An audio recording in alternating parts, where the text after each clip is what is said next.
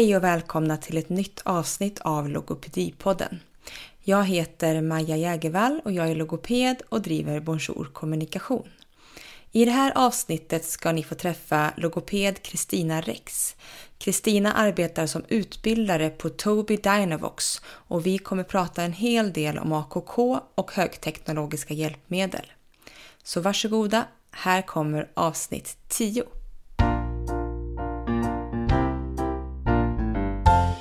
Hej Kristina Rex och välkommen till Logopedipodden. Hej, tack så mycket. Kan inte du berätta lite om vem du är? Ja, jag heter då Kristina. Ehm, jag är 31 år, bor i Stockholm ehm, och jag är ehm, som logoped så jag, har jag min bakgrund inom habilitering. Började där, fick en väldigt sån ja, kärlek till eh, AKK och HAB redan under utbildningen. Så jag blev, blev fast där eh, och har jobbat inom eh, på en, rör, en enhet för barn och ungdomar med rörelsenedsättning framför allt i första hand. Så det är en, de som går i skol, som är i skolåldern. Ehm, och sen så jobbar jag där och sen har jag också varit en sväng och jobbat som skollogoped och då har jag haft ett annat fokus och jobbat mer med eh, anpassningar, NPF, eh, bildstöd, scheman, struktur, hur jobbar man med språkstörning. Eh, så det är min bakgrund. Och vad jobbar du idag? Och det är lite därför du är här, till varför du jobbar, var du jobbar någonstans. Ja, idag sedan ungefär ett halvår tillbaka så jobbar jag på eh, Tobii Dynavox som är ett företag som jobbar med framförallt deras, liksom, eller vår huvud grej är ögonstyrning och ögonstyrningsdatorer. Eh, och där jobbar jag som utbildare och logoped.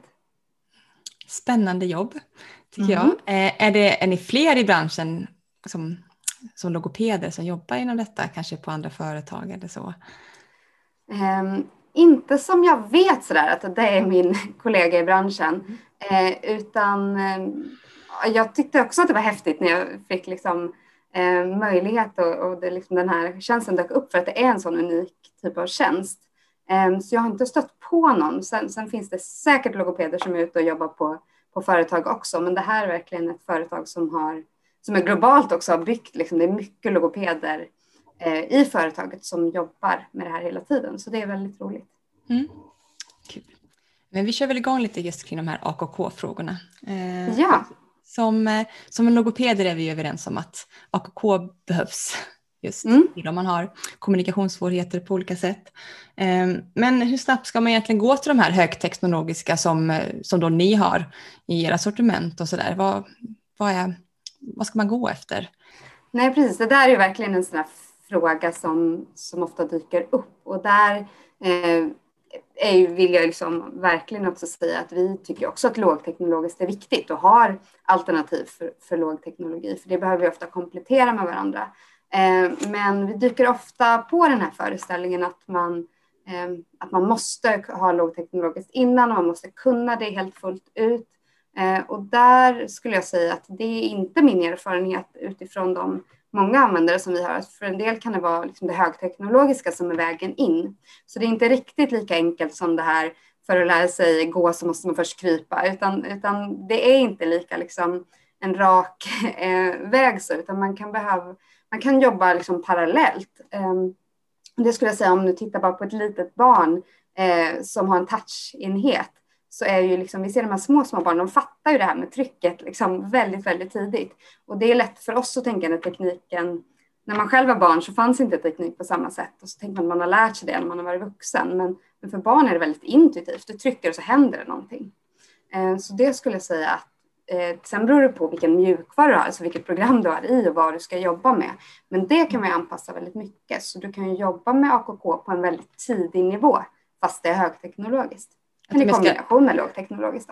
Ja, att man kan lära sig det högteknologiska med, inte just det här stora ordförrådet kommunikationen, utan mer eh, att kommunicera val eller enkla Precis. behov eller så.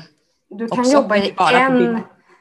Nej, men du kan jobba i en situation där du kanske eh, du vill träna på att bara, eh, bara förstå liksom att, jag, att jag kan kommunicera någonting med AKK. Det kan ju vara till exempel att vi eh, vi sitter i en matsituation och så tränar vi på att liksom vi har något som man verkligen vill äta och så har vi det lite längre ifrån så att man får testa att trycka på mer och då kan vi modella mer och så fort vi trycker på det så får vi fram och då kan vi bara ha en enda stor knapp som säger mer. Vi kan ju börja på den nivån. Eller kittla mig eller vad, vad vi nu vill liksom göra, gunga eller så. Um, så vi kan ju börja i det läget och sen kan vi ta oss vidare mot det här med liksom större och mer rejäla, robusta AKK. Mm. Hur motiverar man föräldrar då? Som, jag tänker att det är en ganska stor apparat att dra igång och att det tar mycket tid och man har inte så mycket ork redan kanske för att barnet i sig tar mycket energi och sådär. Vad, vad tänker du kring det? Ja, alltså det som är väldigt motiverande med det högteknologiska är ju att du får en röst. Ehm, så det blir ju, det händer någonting och många upplever att mitt barn har sagt någonting. Och det tror jag att vi logopeder ibland kan glömma bort hur viktigt det är för många föräldrar. Just det här att ens barn får, ett röst och, får en röst och får säga någonting. Ehm, så det, jag skulle säga att det är väldigt motiverande för många. Mm. Mm. Ja, exakt.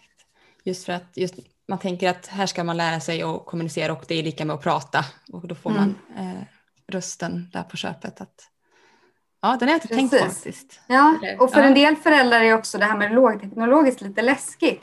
Att man ska, man måste vara så mycket med själv och det är något vi behöver lära. Men, men om man får göra båda så kan det också vara ganska skönt att det är liksom en, en dator eller en kommunikations mm eller surfplatta så som pratar eh, och att jag som förälder inte måste bära hela det lasset.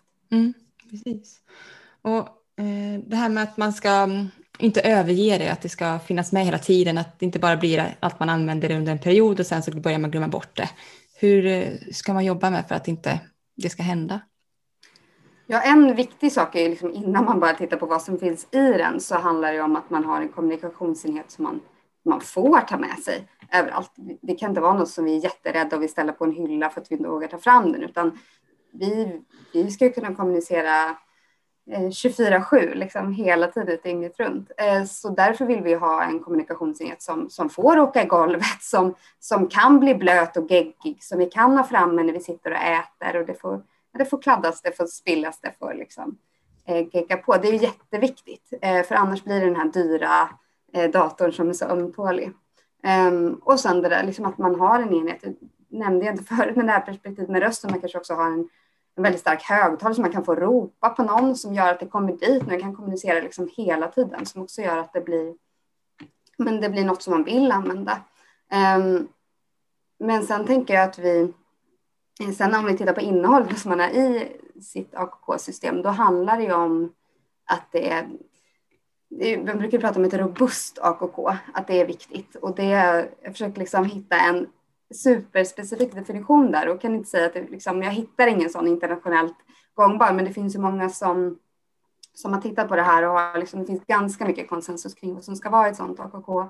Och där skulle jag säga att, att det är en, en jätteviktig sak att det finns möjlighet att utvecklas med det, att det inte finns en form och sen växer man ur den, utan man ska kunna anpassa och eh, förändra det här utifrån både att man kanske utvecklas i sitt styrsätt som man kanske kan hantera Eh, mindre knappar, eh, fler, fler ord, ehm, men att man också kanske utvecklas rent språkligt så man klarar av att böja eh, ord och man måste ha möjlighet att kunna göra sådana saker. Ehm, tempusböjning, vi vill kunna använda olika ordklasser. Ehm, men sen så vill vi också kunna ändra innehållet utifrån att vi har en alltså ett barn som blir äldre, så man vill prata om andra saker, kanske inte prata om docklek, utan jag vill prata om disco och dating. Eh, och det är också jätteviktigt att det går att anpassa på det sättet. Eh, så den möjligheten är viktig. Ehm, sen en jätteviktig sak är också att vi har tillgång till basord. Som är, basord är ord som vi kan använda i nästan vilken situation som helst eh, och över liksom hela dagen. Det är ett ord som inte till exempel. Det går att använda oavsett vad vi pratar om. Och där är det ju här lätt att vi kanske annars hamnar i, om vi bara bygger ett AKK-system som bygger kring en situationskarta, då blir det bara till en specifik situation, som docklek eller eh, något liknande matsituation. Men ett ord som inte kan vi använda i vilken situation som helst. Och den typen av ord är jätteviktigt att ha med i ett sånt här system. Eh, men att vi också har tilläggsord så vi kan uttrycka alla de här andra sakerna vi vill säga. Mm. Eh, sen finns det en annan sak som är lätt att glömma bort och som inte alla AKK-system har, eh, det är färdiga fraser. Eh, och det så här, var en sån aha-upplevelse för mig eh, när man börjar titta på forskning. Så finns det, har man sett att ungefär, om man tittar på vad vi eh, verbala liksom, eh, talar, vad vi, vad vi använder, eh, verbala personer använder, då har vi ungefär 70 procent av våra tal är automatiserade fraser som vi inte ens tänker på. Men man har liksom som färdiginspelade saker man säger som varsågod, tack så mycket, eh, trevligt att träffas. Det är, liksom, det är som en färdig liksom enhet här som vi säger. Och det sparar tid. Vi processar inte det på samma sätt som om vi bygger ihop ord, ord för ord. Men när vi tänker AKK är det väldigt lätt att vi glömmer bort det. Utan där hamnar man på det att man ska bygga ord för ord och det är mycket mer tidskrävande och energikrävande. Eh, och där kan vi behöva liksom möjliggöra att det också finns de här färdiga fraserna som bara kräver ett knapptryck. Eh, och det gör också att liksom, effektiviteten ökar jättemycket. Mm. Um, och det är också sånt som man har sett i studier att när man, man blir mer effektiv, då går hastigheten upp eh, i samtalet, väntetiden går ner eh, och både den som AKK-användare men också den liksom, kommunikationspartnern upplever eh, att, att den här AKK-användaren upplevs mer kompetent helt enkelt av både den som lyssnar och AKK-användaren själv. Så det är en jätteviktig sak som är lätt att glömma bort mm. och som är viktig om vi ska kunna ha långa samtal. Mm. Och sen en sista sak som, som är superviktig, att vi har tillgång till alfabet eller tangentbord. Um, och gärna i kombination med ordpredition för att kunna uttrycka för det första att vi vill ju komma mot läs och skrivsvårighet så att det finns ett AKK som, som klarar det även om vi blir äldre. Men också att vi faktiskt kan säga precis vad vi vill. Men jag tänkte det här kring just ordförråd och hur vet man hur mycket man ska ha i då? Jättebra fråga. Det eh, som jag jobbar med, jag jobbar med något som heter Snapcore First. Det finns en massa olika, det finns flera robusta eh, AKK. Men, men det som vi har som jag tycker är bra och så många som är robusta AKK är att det kommer med väldigt mycket färdigt. Eh, att man har liksom tusentals ord. Eh, och det kan ju kännas sådär, oj vad mycket. Men de, det viktiga är ju hur det är organiserat, att det finns en organisation så det är ju inte att ord ligger överallt, utan det finns en tanke med vart man hittar orden. Men sen kan det självklart vara så att man kan behöva börja med att dölja vissa ord. Man behöver inte ha allt framme på en gång. Men det är bra att det finns tillgång till det här. Eh, och där som logoped kan man ju lätt säga, man får inte ta bort något. Det känns mm. jätteläskigt, man måste ha tillgång till att säga allt.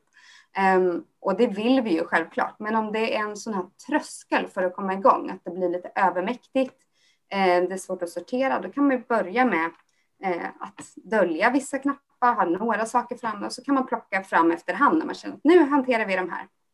Och då är en jättebra grej att börja med just basorden. Då kan man egentligen ha bara en sida, alltså man kommer väldigt långt på bara så här tio basord som man kan använda i varje mm. situation. Eh, man kan ha ganska långa samtal med det. Mm. Och några sådana här färdiga fraser.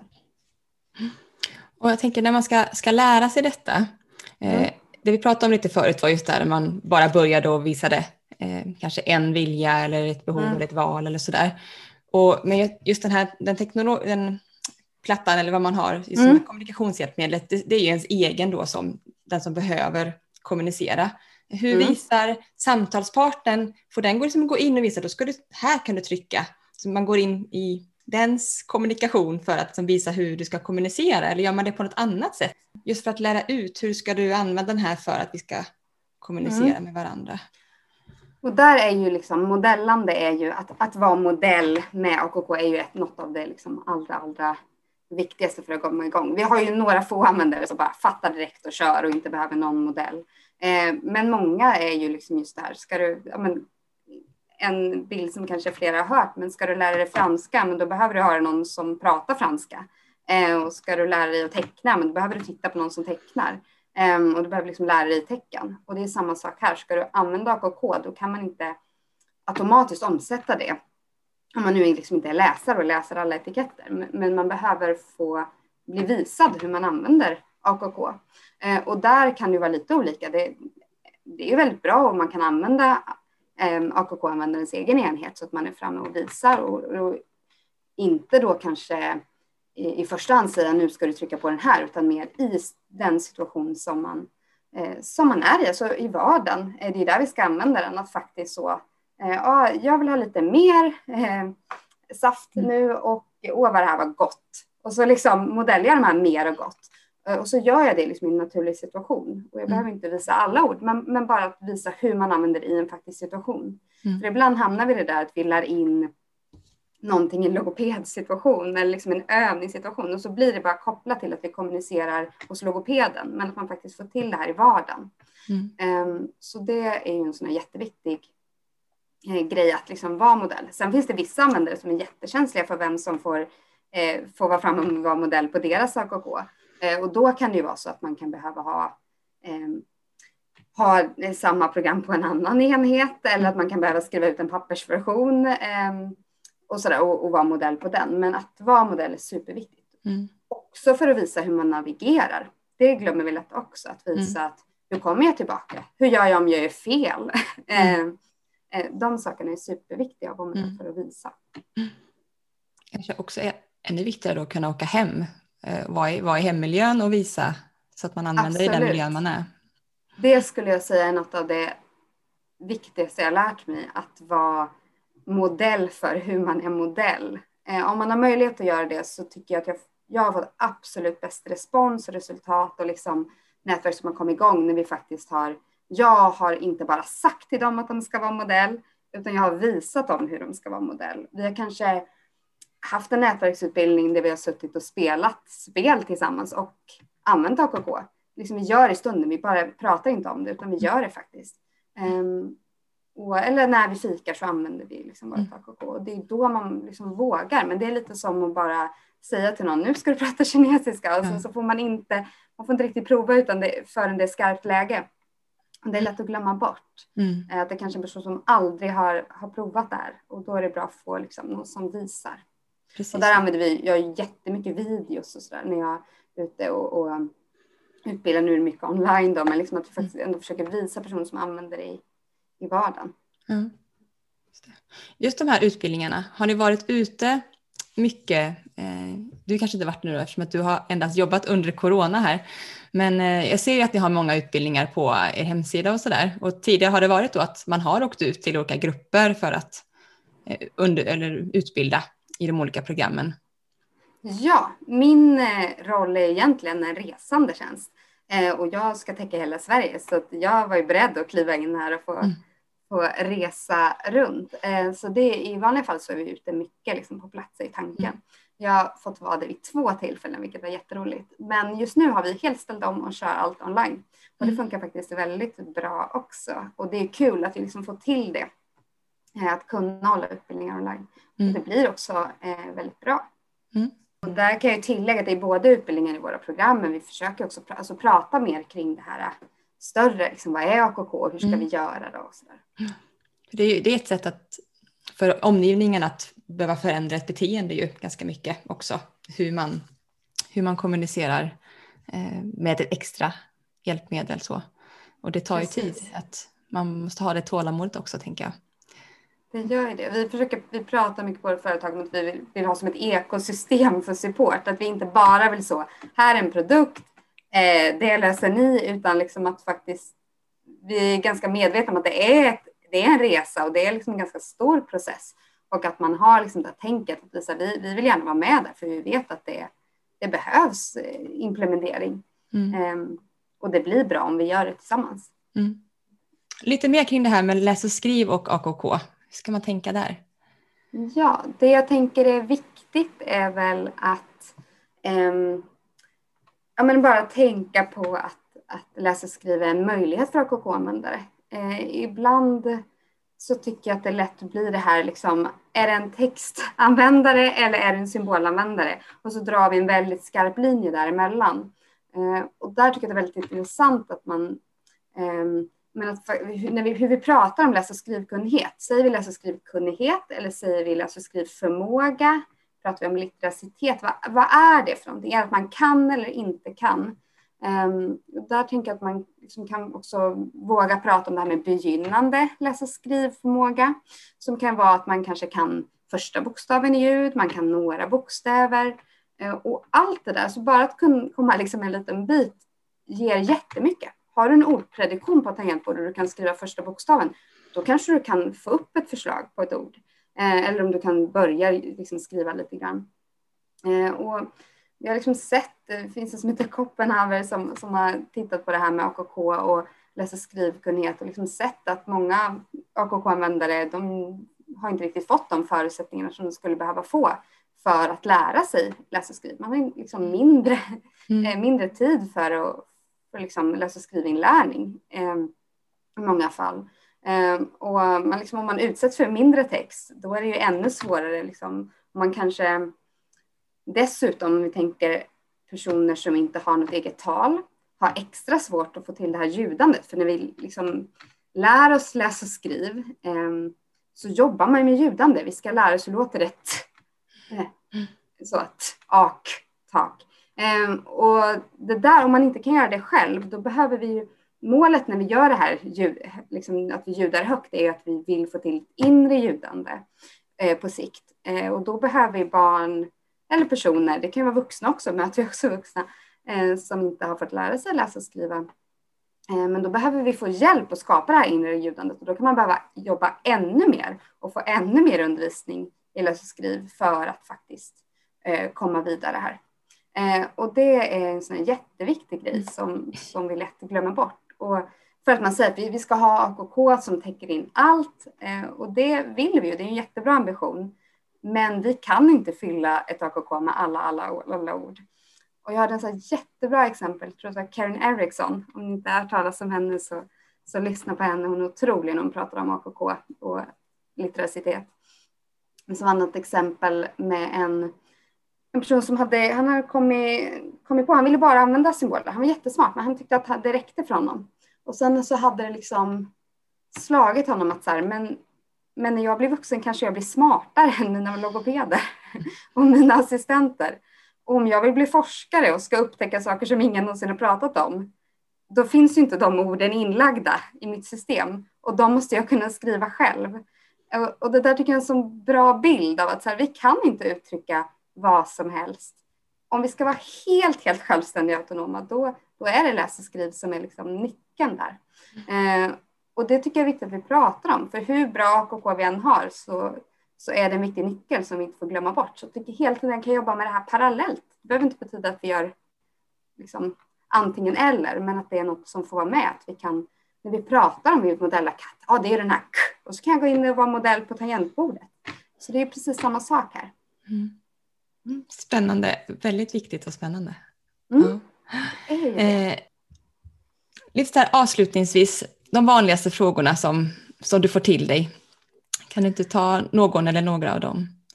Ja, jag tänker en har vi redan varit inne på. Det är mycket där. Hur får man till AKK i vardagen? Hur implementerar vi? Men det har vi redan pratat en del om. Eh, men annars så tänker jag att en vanlig fråga jag får är ofta så här. Vem passar det här för? Eh, vilken användare, det här är en användare på så låg nivå. Kan, kan vi börja med AKK? Kan vi använda era produkter då? Um, och, där, och det är också vet att folk säger så här, men vi var på utprovning, vi fick inte riktigt till. um, vi vet inte riktigt om, de, om eh, det här barnet um, ville, ehm, eh, liksom gjorde det här avsiktligt eller inte. Vi vet inte riktigt om det passar. Och där eh, tänker jag en sån här sak som vi också liksom lätt fastnar i, att man måste bevisa att man kan någonting innan, innan man får något förskrivet. Um, och in, liksom att vi kan nästan räkna bort saker bara man har testat en gång på en utprovning. Och det, det är klart vi behöver mm. utprovning och det är klart vi mm. måste prova men, men det är lite som att säga att man måste klara att köra bil på första uppkörningen utan att mm. få tag i några körlektioner och aldrig suttit i en bil. Mm. Eh, och det är också en bra bild att ha med sig. Hur, hur vadå? En del är sådär, får man bara får man testa runt och ha en enhet liksom få träffa, eh, prova flera gånger i en välkänd miljö, få någon som är modell och visar hur man gör då är det ganska många som snappar upp det där. Mm. Eh, men att vi liksom slutar lite för tidigt. Eh, och där det här med att övertolka är något som vi lätt glömmer bort också. Att man kan lära sig genom att omgivningen eh, faktiskt övertolkar. Nu tryckte du här, ja, man kanske bara tryckte på en, på en slumpmässig knapp. Vi vet inte om de är medvetna eller inte när vi är på en, en sida som handlar om såpbubblor. Men om jag direkt eh, ge respons på när du tryckte på eh, blås såpbubbla. Um, och så, så gör jag det. Och så gör vi det här flera gånger, då skapar jag den här kopplingen och då lär ju eh, sig barnet mm. att, att de här hänger ihop. Och så kan man också lära sig AKK på det sättet. Eh, och det kan vi lätt glömma bort, att man måste liksom göra rätt direkt från början och det är inte alltid, alltid vägen är min erfarenhet. Mm. Det tar tid och man måste ha tålamod från alla håll. Så. Och ja, ge, ge möjligheter så, på det sättet. Och man måste våga prova saker. Jag tror ibland vi kan vara lite rädda för att göra saker som inte funkar. Men om vi liksom vågar ge saker lite tid så funkar väldigt mycket mm. ofta. Precis. Vi, vi klarar ju inte saker på första försöket för det mesta. Så att... Vi gör ju inte det. Det är mm. lite orättvist att förvänta sig det. Mm. Tack så jättemycket Kristina för att du ville vara med. Tack själv, det var jättekul.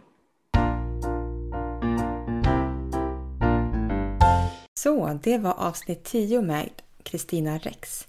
Om ni vill följa Kristina på Instagram så heter hon där logoped-kristina. Jag finns på Instagram som Bonjour kommunikation och eh, betygsätt gärna i er poddapp. Då vore jag väldigt tacksam och eh, på återhörande.